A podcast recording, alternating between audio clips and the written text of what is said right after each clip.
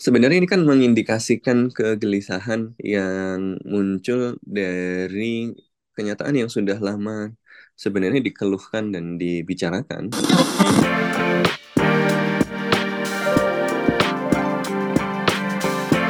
Hai sahabat TCID, kalian sedang mendengarkan podcast Suara Akademia. Ngobrol seru isu terkini bareng akademisi. Hashtag jangan jadi dosen lumayan rame nih sobat TCID karena uh, salah satu akun Twitter gitu uh, menunjukkan kalau ternyata ketika menjadi dosen itu gajinya nggak seberapa.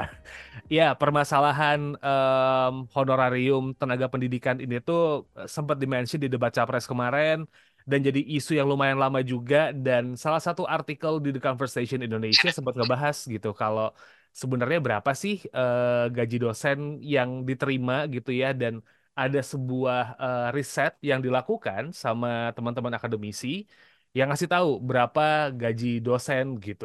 Dan untuk episode kali ini karena hashtagnya lumayan ramai dan ada sebuah artikel yang sempat ngulik berapa gaji dosen dan based on hasil survei, kita bakal bahas nih tentang um, kesejahteraan dosen gitu. Kita bakal ngobrol bareng sama salah satu penulis artikel tersebut yang sempat ramai juga artikelnya. Episode kali ini kita bakal um, discuss bareng sama Mas Sofwan Albana Khoiruzat, Associate Professor dari Universitas Indonesia. Halo Mas Sofwan, apa kabar Mas? Halo, halo. Oke, okay. Mas Sofwan, mungkin aku pengen tahu um, komentar dari Mas Sofwan dulu nih. Ketika ada hashtag jangan jadi dosen nih rame gitu ya di sosmed. Um, what do you think, Mas Sofwan? Ya, sebenarnya ini kan mengindikasikan kegelisahan yang muncul dari kenyataan yang sudah lama sebenarnya dikeluhkan dan dibicarakan, tetapi suka sporadis gitu ya.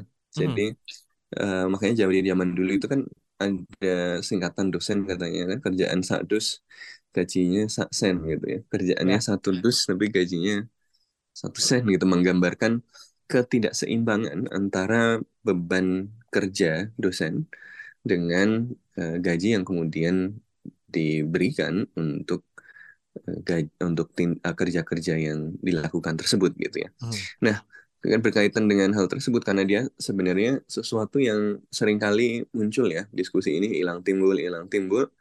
Uh, kami dulu dari beberapa universitas gitu kemudian iseng-iseng gitu ngobrol awalnya di X kemudian dilanjutkan di uh, WhatsApp ya uh, yang kemudian bicara soal sebenarnya gambar realnya seperti apa sih? Sebenarnya peta gaji dosen itu seperti apa sih kalau kita mau uh, petakan secara serius? Nah jadi ini adalah sesuatu yang dirasakan yang sering dikeluhkan yang sering diomongin tetapi kita nggak punya data yang clear. Nah, inilah yang kemudian melatar belakangi tim penelitian untuk mencoba bikin penelitian awalan. Dan hasilnya uh, mengkonfirmasi tapi juga sekaligus mengejutkan. Gitu. Mm -hmm. Jadi karena uh, ini memang penelitian awal ya, uh, uh, sampelnya memang kita ambil dari dosen-dosen, uh, kita kemudian petakan uh, karakter Eh, pekerjaannya misalnya ada yang dari Jawa Bali ya. ada yang dari luar Jawa Bali ada PNS ada tetap non PNS uh, eh, lalu uh, swasta gitu ya. Nah dari sini kemudian uh, kami membandingkan ya kami menanyakan komponen komponen pendapatan tetap dosen per bulan. Nah ini pendapatan tetap nah ini nggak nggak cuma gaji. Jadi hmm. kadang-kadang kan ada yang uh, yang protes ah itu kan gaji tetapnya aja.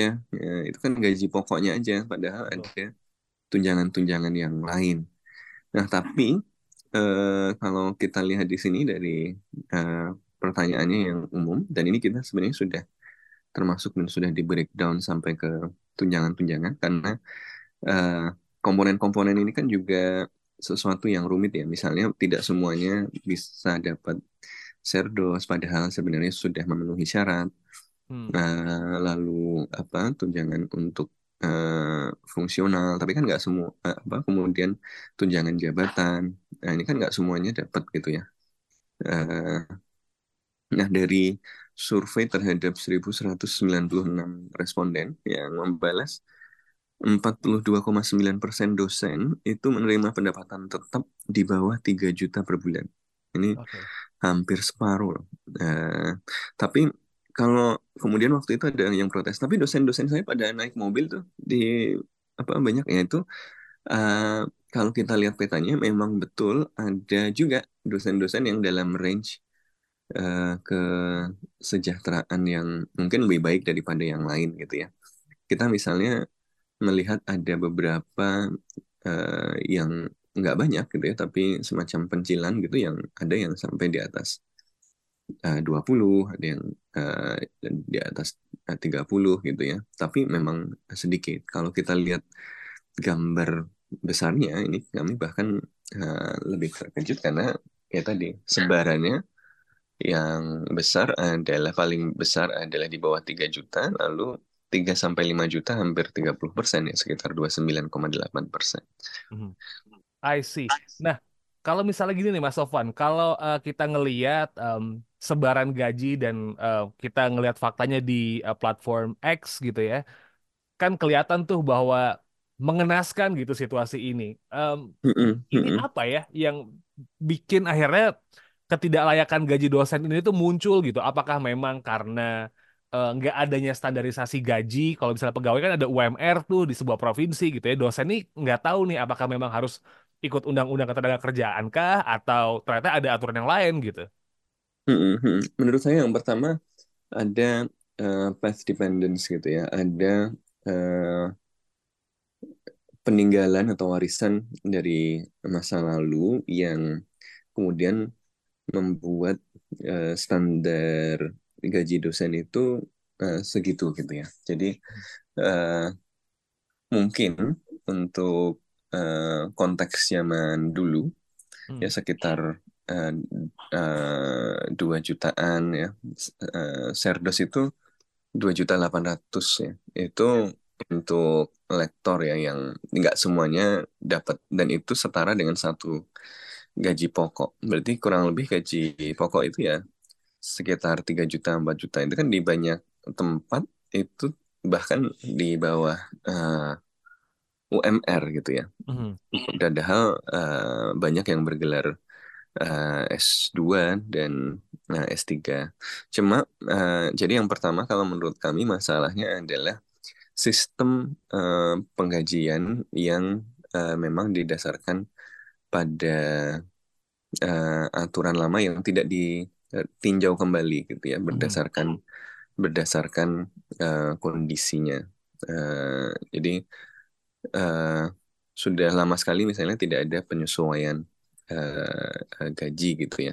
Mhm. Kemudian kedua, kenapa kemudian terasa berat? Karena eh, gajinya itu tidak ditambah, tetapi bebannya ditambah gitu ya. Karena kemudian ada upaya untuk mendorong kampus-kampus eh, kemudian menjadi lebih tinggi peringkatnya dalam peranking sistem perankingan Mhm. global gitu ya. Tetapi Mhm. alih-alih membangun sistem kerja yang kondusif eh, dan kemudian insentif untuk dosen supaya eh, lebih kondusif, yang dilakukan adalah eh, ya mekanisme eh, penautan antara beban yang tidak sesuai dengan kompensasi tadi eh, yang sifatnya eh, sepihak gitu ya. Jadi eh, oh, kalau mencapai ini nanti dikasih eh, sekian gitu. Jadi ditautkan dengan eh, capaian tertentu. Yang capaian itu sulit untuk diperoleh kalau dosennya untuk hidup sehari-hari saja dia masih harus berjuang gitu ya. Mhm. Jadi eh, ada asumsi yang eh, yang kurang pas gitu ya. Jadi yang pertama adalah menurut saya path dependent, kedua adalah ketidaksesuaian antara beban dengan sistem kompensasi yang diberikan dan yang eh, ketiga menurut saya ketimpangan. Jadi memang ada beberapa universitas misalnya yang bisa membangun eh, skema-skema tersendiri dengan sistem eh, penggajian yang relatif lebih eh, baik gitu ya. Tetapi eh, itu kemudian tidak menjadi standar eh, nasional uh, dan ini kemudian berkaitan dengan menurut saya masalah utamanya kemudian adalah uh, memang komitmen untuk pendidikan dan komitmen untuk penelitian memang masih sangat rendah. Hmm. Jadi uh, apa ya tadi kampus-kampus itu dianggap sebagai industri. Dan industri itu harus uh, kompetitif mengikuti uh, pasar ya. Logikanya adalah uh, logika uh, kompetisi bukan kolaborasi. Sehingga dan kampus-kampus uh, kemudian didorong uh, untuk itu.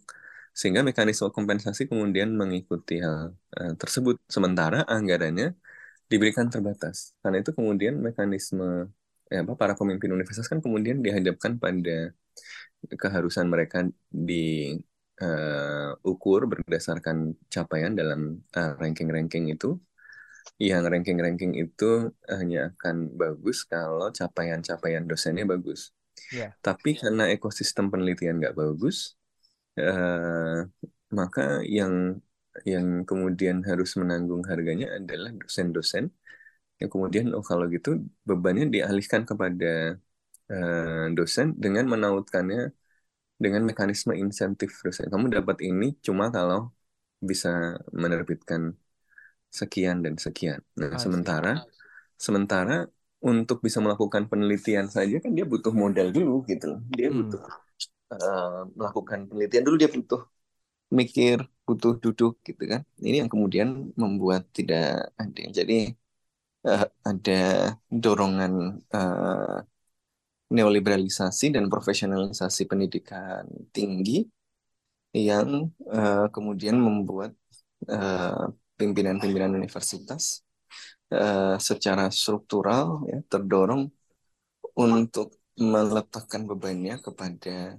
uh, dosen. Karena itu cara yang paling mudah kan kalau cari duit untuk membiayai uh, riset dan seterusnya kan harusnya ada tanggung jawab negara ada peran negara di situ. Karena negara kemudian mengurangi uh, perannya maka dis, diserahkan ke kampus. Karena kampus kapasitas finansialnya terbatas ya kemudian diletakkan pada dosen-dosen dengan beban yang sangat tinggi. Tetapi kemudian kompensasinya dilekatkan kepada ini beneran tercapai atau enggak itu padahal untuk bisa jadi kayak telur dan ayam untuk bisa mencapai itu dia butuh hidup yang layak dulu. Jadi dia punya waktu untuk mikir untuk riset nggak usah cari proyekan gitu kan. Sehingga dia bisa bikin penelitian yang bagus dan kemudian publikasi akan muncul. Jadi ini ya tadi ada tekanan struktural dari uh, neoliberalisasi pendidikan tinggi, uh, negara yang kemudian konform pada tekanan ini dengan tapi memiliki keterbatasan sumber daya, ya akhirnya bebannya kena ke dosen gitu. Mm-hmm. Dan yang keempat saya kira ya di dosen sendiri karena dosen-dosen ini uh, masih sangat terbatas dan rendah kapasitas negosiasinya gitu ya hmm. dengan uh, ya institusi-institusinya kita nggak punya misalnya asosiasi uh, buruh pendidikan gitu ya kita nggak hmm. punya asosiasi tenaga kerja universitas yang kuat yang kalau kita lihat di uh, luar negeri gitu ya sering kali ada uh, demonstrasi yang uh, dan misalnya tindakan kolektif sehingga kampus dan negara kemudian bisa menyesuaikan. Ini karena sendiri-sendiri jadinya cuma mengeluh-mengeluh saja gitu uh, di media sosial. Dan kadang-kadang kemudian dibenturkan satu sama lain gitu loh. Jadi oh, ada yang kemudian diambil uh, jadi uh, pejabat gitu ya. Kemudian uh, ketika dia sudah dapat kompensasi yang lebih uh, baik ya dia jadi uh, tidak terlibat dalam proses solidaritas dengan yang lain yang belum baik gitu ya. jadi uh, ya saya kira itu beberapa uh, temuan dan uh, apa ya kesimpulan awal. Tapi ini memang masih penelitian awal, jadi uh, teman-teman serikat pekerja kampus memang berupaya untuk melanjutkan penelitian ini, termasuk juga menganalisis beberapa temuan yang kemarin uh, lebih jauh gitu ya. Kita misalnya menemukan kesenjangan Jawa luar Jawa, kita menemukan kesenjangan antara uh, swasta dengan negeri dan uh, seterusnya juga. Oh, nah ini okay. kita lanjutkan lagi. Cuma ya tadi karena ini adalah uh, kerjaan uh, kolektif ya bersama dan tidak dihitung BKD, bukan kerja dosen ya memang uh, apa kemarin sempat uh, uh, tidak continue, tapi kita akan lanjutkan lagi.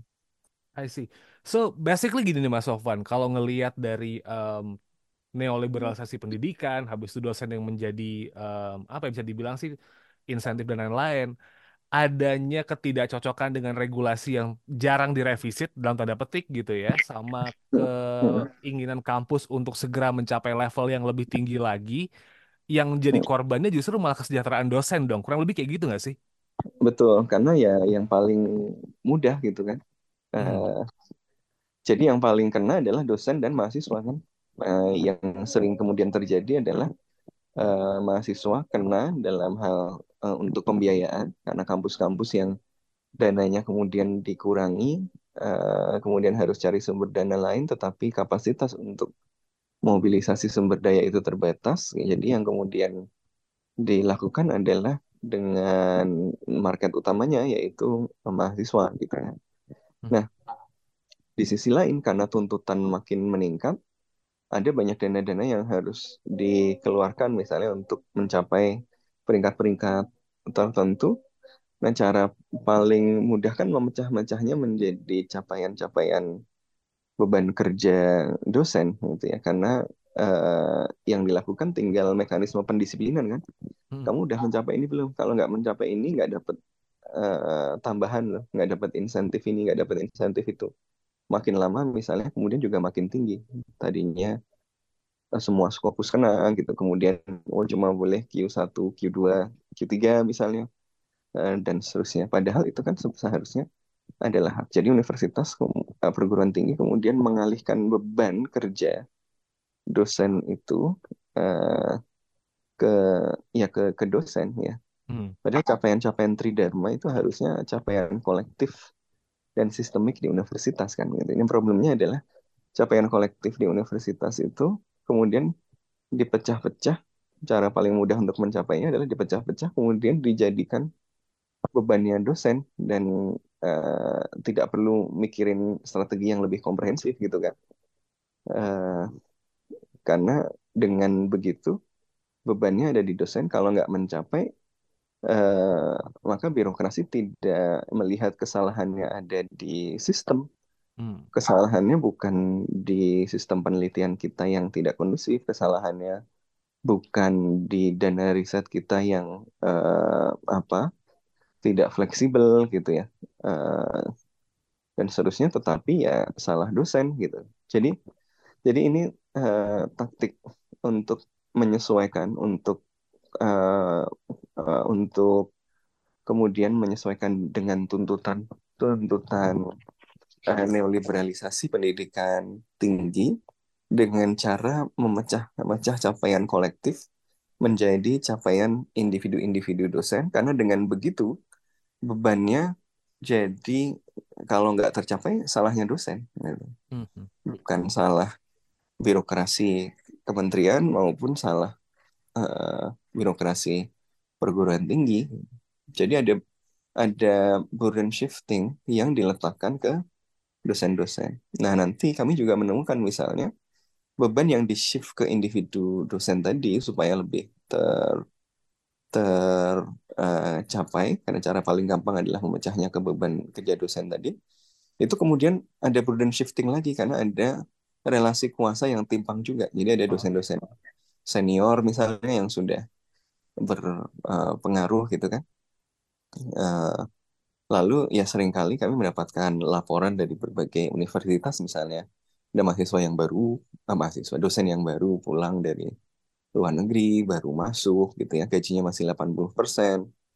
Ya kemudian supaya capaian kolektifnya bagus, ya mereka yang kemudian jadi tumpuan kan untuk membuat beban kerja dosen tidak hanya dirinya, tetapi juga yang lain-lain, gitu ya, yang udah dipecah-pecah tadi, itu juga tercapai. Jadi kita sering melihat ada eksploitasi, ada misalnya cerita-cerita uh, kalau di kampus saya rasanya belum di fisik kita nggak dekat, tapi kita mendengar cerita cerita di berbagai uh, tempat lain termasuk di penelitian ini misalnya ada uh, senior-senior yang numpang nama doang gitu ya. Yeah.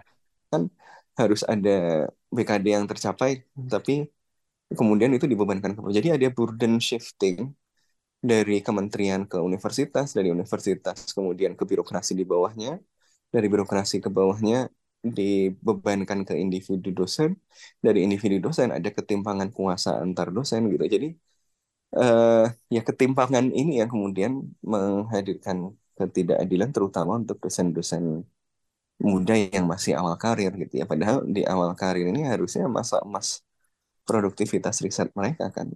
Ah, uh, well, so akhirnya dengan situasi yang sekarang nih Mas Sofwan gitu kambing hitam itu selalu di dosen ya. Karena kan um, kualitas karena paling mudah dong yang paling mudah ya maksudnya ya. uh, kalau ngelihat dari sisi mahasiswa kan mahasiswa ditekan dengan karena biaya UKT gitu yang akhirnya problematik yang lain dengan pinjol kemarin tuh akhirnya muncul gitu nah kualitas Betul. universitas ini selalu jadi scapegoat dong dosen artinya Iya, kemudian ya tadi karena paling gampang kan. Misalnya kalau hmm. mau mencapai jumlah publikasi, daripada membangun sistem publikasi yang kondusif yang mendukung melalui reformasi sistem penelitian, anggaran penelitian yang lebih banyak, uh, uh, uh, yang itu ada di level sistemik yang bisa dilakukan oleh kementerian atau universitas, cara paling gampang adalah membuat target-target itu ada di level individu. Ya, jadi kami nggak mau tahu uh, sistemnya kayak apa, dana yang tersedia kayak apa. Pokoknya kalian harus publish dengan syarat ini gitu loh. Oke. Nah ini kan uh, tadi karena ada burden shifting tadi, jadi ada problem struktural. Jadi kita ditekan oleh industri uh, pendidikan global, ada neoliberalisasi pendidikan uh, tadi, kemudian birokrasi uh, kementerian menekan universitas, uh, universitas menekan fakultas, fakultas menekan uh, dosen dosen misalnya secara tidak sengaja bukan bukan berarti kemudian pimpinan universitas atau birokrasi itu orang jahat enggak juga sih. Hmm. tapi ya karena ada tekanan struktural tadi gitu dan cara paling gampang adalah menggeser bebannya menggeser burden pencapaian tadi ke dosen-dosen. I see. Oke, okay. uh, that's the problem gitu, udah kelihatan. Nah, untuk mengatasi permasalahan ini kan kita bisa ngelihat uh, mencontoh mungkin ya dari negara lain gitu mas di Inggris para dosen melakukan strike gitu uh, betul di... betul jadi uh, memang kalau kita belajar dari teman-teman uh, akademia di berbagai negara mereka bisa memiliki daya tawar yang lebih baik ketika mereka kemudian berserikat dan punya hmm agenda bersama. Makanya salah satu pertanyaan yang kami sertakan juga di dalam penelitian awal kemarin adalah kalau misalnya kita mau buat serikat uh, dosen atau uh, ten, apa uh, serikat uh, pekerja kampus gitu ya. Apakah teman-teman berminat untuk bergabung? Ya sebanyak 85% berminat sebenarnya. Mm. Jadi memang ada kebutuhan yang dirasakan untuk itu dan kita sedang coba membangun ini. Cuma memang tadi kita dihadapkan pada uh, tuntutan-tuntutan uh, harian tadi kan gitu jadi yeah. Ya. uh, ya apa kemudian untuk berserikat pun ada opportunity cost gitu ya ya tadi ini klasik uh, uh, eksploitasi gitu ya eksploitasi yang klasik itu kan uh, caranya kemudian di uh, apa eksploitasi dilakukan secara mikro ke individu individu uh, melalui mekanisme uh, struktural sehingga si individu-individu ini nggak punya waktu, nggak punya tenaga untuk melawan secara kolektif gitu. Mm-hmm. Tapi kalau nggak ngelawan secara kolektif, nggak bernegosiasi secara kolektif, ya terus uh, berada dalam situasi seperti ini. Gitu. Situasi lumayan rumit nih, tapi kalau kita berbicara soal kemungkinan akhirnya para uh, teman-teman dosen gitu berserikat gitu ya Mas ya. Um, challenge-nya banyak nih. Kita ngelihat ada resistance gitu ketika dosen berserikat, ada yang pro, ada yang juga kontra. But opportun sorry, kemungkinan-kemungkinan yang lain nih Mas untuk bisa mengadres permasalahan ini supaya akhirnya um, rekan-rekan akademisi ini bisa mendapatkan apa ya penghidupan yang layak gitu atau pendapatan yang layak hal apa lagi sih yang bisa dilakuin mas selain berserikat nih? Ya, menurut saya kemudian eh, perlu mendorong eh, reformasi sektor eh, pendidikan tinggi dan eh, penelitian gitu ya, supaya eh, dia lebih kompetitif, tapi eh, juga dengan eh, tujuan yang lebih jelas. Misalnya, apa sih penelitian yang mau eh, kita kembangkan tidak semata-mata untuk eh, ranking-ranking tadi gitu ya. Eh, misalnya kemarin ada rame-rame, oh uh, dampak itu dilihat dari uh, citation gitu.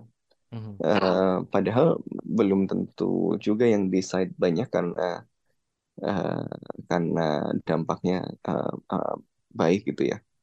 Nah, maka menjadi penting untuk meninjau lagi apa yang mau dicari sih dari pengembangan pendidikan tinggi dan uh, penelitian kita.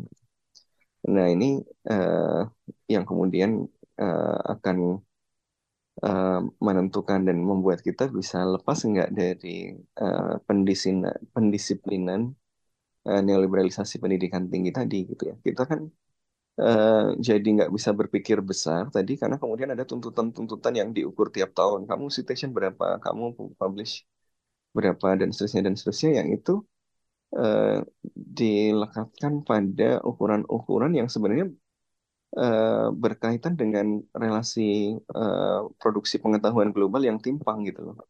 Hmm. Uh, yang buat uh, uh, ukuran-ukuran ini uh, siapa sih dan tujuannya untuk apa sih? Kan kita nggak bertanya secara kritis dengan itu kan dan Times Higher Education misalnya QS uh, University Ranking. Benarkah itu ukuran-ukuran yang pas untuk mengukur itu? Nah ini yang harus kemudian menurut saya dibicarakan sebagai uh, sebagai uh, gambar besar bangsa kan. Kita mau mengembangkan apa sebenarnya ke depan.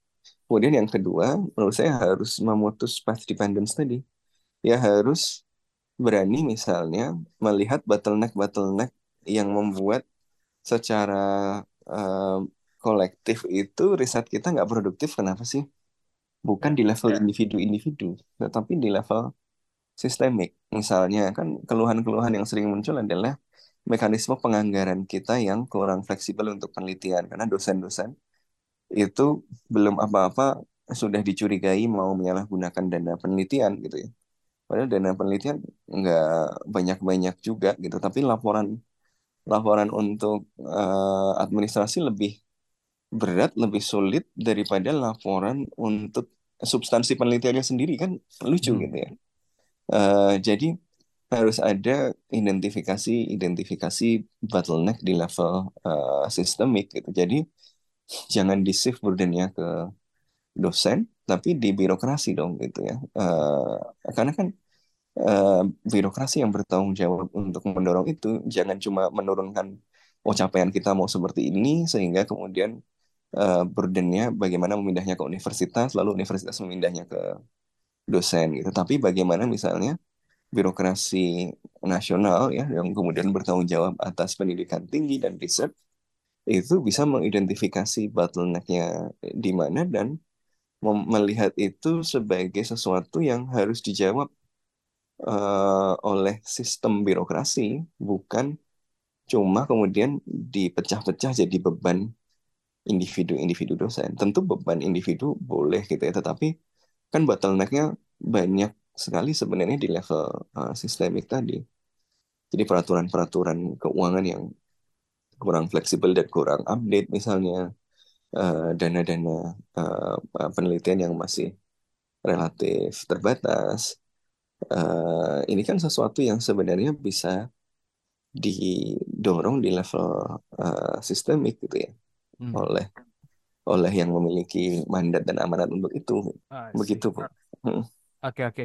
Nah Mas Sofwan, permasalahan kan otomatis kalau misalnya kita tadi dengerin dari awal gitu, kita ngobrol dari awal, ini kan permasalahan top down ya, permasalahan soal kebijakan Betul. gitu. So basically ini yang harus diadres daripada uh, cuman sekedar ngomongin, iya nanti gaji dosen akan kami naikkan, meanwhile permasalahan soal tuntutan uh, penerbitan jurnal, kualitas jadi WCU ini tidak diperhatikan juga jadi sama aja dong. Kurang lebih gitu nggak sih? Iya, jadi gaji dosen ini adalah simptom, adalah gejala dari pengelolaan pendidikan tinggi yang uh, gagap dalam merespon neoliberalisasi pendidikan tinggi sehingga bebannya kemudian didistribusikan ke individu-individu dosen untuk pencapaian dan dibebankan kepada mahasiswa untuk input finansial gitu kira-kira gitu. Hmm. Makanya masalahnya uh, di ujungnya adalah dana yang terbatas karena dan kemudian mahasiswa jadi harus bayar kuliah lebih mahal. Di ujung outputnya dosen-dosen didorong atau bahkan dipaksa untuk memenuhi target target yang seharusnya itu bersifat sistemik kolektif. Tapi cara paling mudah karena sumber daya terbatas kemudian dipecah-pecah menjadi capaian-capaian dosen jadi pendisiplinan tapi tidak diimbangi dengan kompensasi yang memadai gitu. Jadi tuntutannya makin banyak tetapi kompensasinya nggak sebanyak itu. Nah ini yang kemudian membuat uh, gajinya jadi semakin nggak cukup. Zaman dulu mungkin uh, apa pertama inflasinya uh, juga luar biasa kan update gaji kan sudah lama sekali gitu. Uh, uh, selain itu dulu bebannya mungkin nggak seberat yang sekarang karena uh, dan karena itu uh, dulu basisnya segitu aja nggak apa-apa gitu. Tetapi karena tuntutan kemudian meningkat, kemudian secara sistemik nggak bisa dipenuhi, beban itu kemudian dibebankan kepada dosen, ya jadi bebannya jadi nggak seimbang dengan apa yang harus dilakukan. Nah jadi uh, gajinya segitu-gitu dari tahun sekian, tapi bebannya makin uh, tinggi. Karena secara sistemik capaian-capaian itu nggak bisa dicapai. Jadi harus dipecah-pecah dan diturunkan ke dosen-dosen yang nanti lebih parah lagi ketika tadi ada ketimpangan power tadi kan.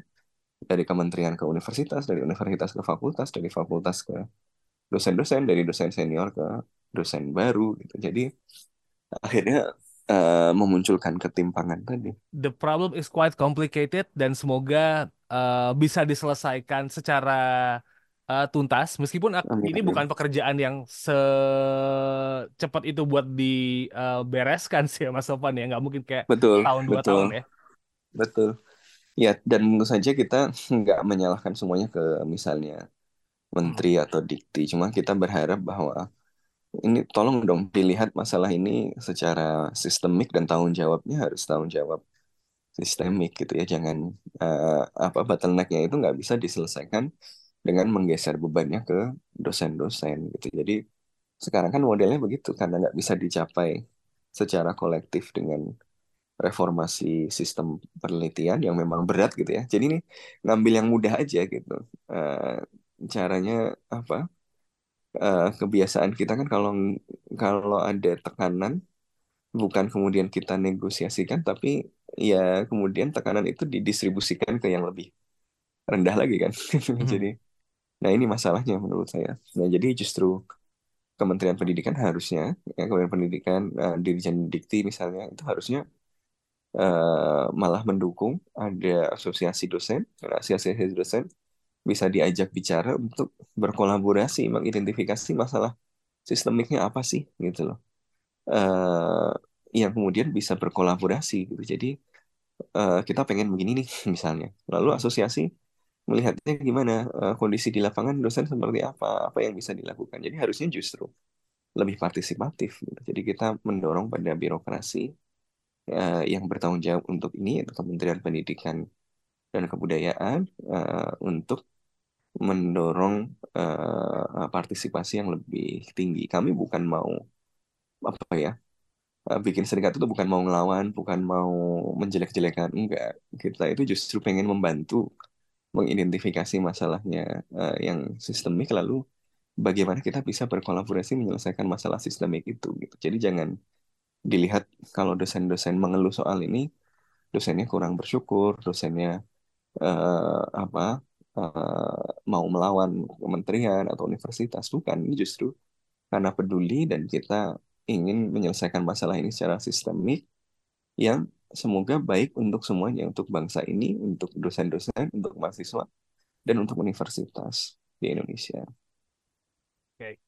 well um, hopefully permasalahan ini bisa segera selesai uh, sobat TCID dan juga um, tidak anu ya tidak diselesaikan cuma dengan cara-cara yang um, menenangkan sesaat tapi permasalahan intinya nggak di um, apa sih nggak dilihat dan core-nya itu didiemin gitu-gitu aja. So thank you so much Mas Sofwan udah ngobrol-ngobrol uh, kali ini. Sama-sama.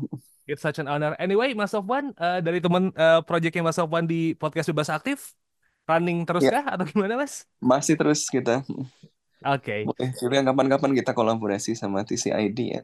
Yes, yes, yes. Ini sebenarnya juga kayak um, in collaboration with nih Mas Sofwan dari Bebas Aktif yang oh, sering dengerin di Spotify sama Suara Akademia. So it's such an honor for me buat ngobrol sama Mas Sofwan. Well, terima kasih banyak.